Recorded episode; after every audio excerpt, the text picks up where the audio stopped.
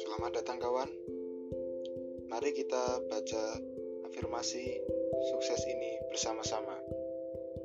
Agar pikiran kita selalu berpikir optimis, selalu berpikir jernih, dan juga mendapatkan solusi dari masalah yang kita dapat.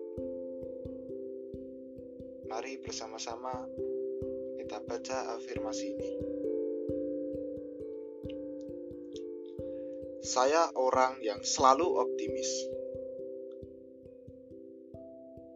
Saya menghindari membicarakan hal-hal negatif.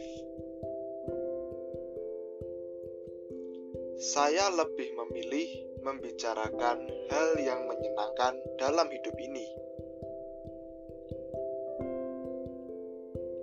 Saya mendukung hal-hal positif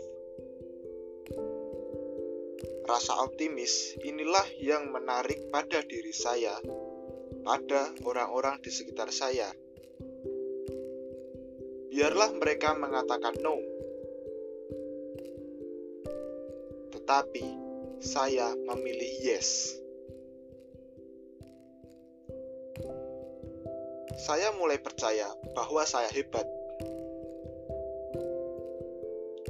bahwa saya hebat dan apa yang saya lakukan adalah tentang kehebatan saya.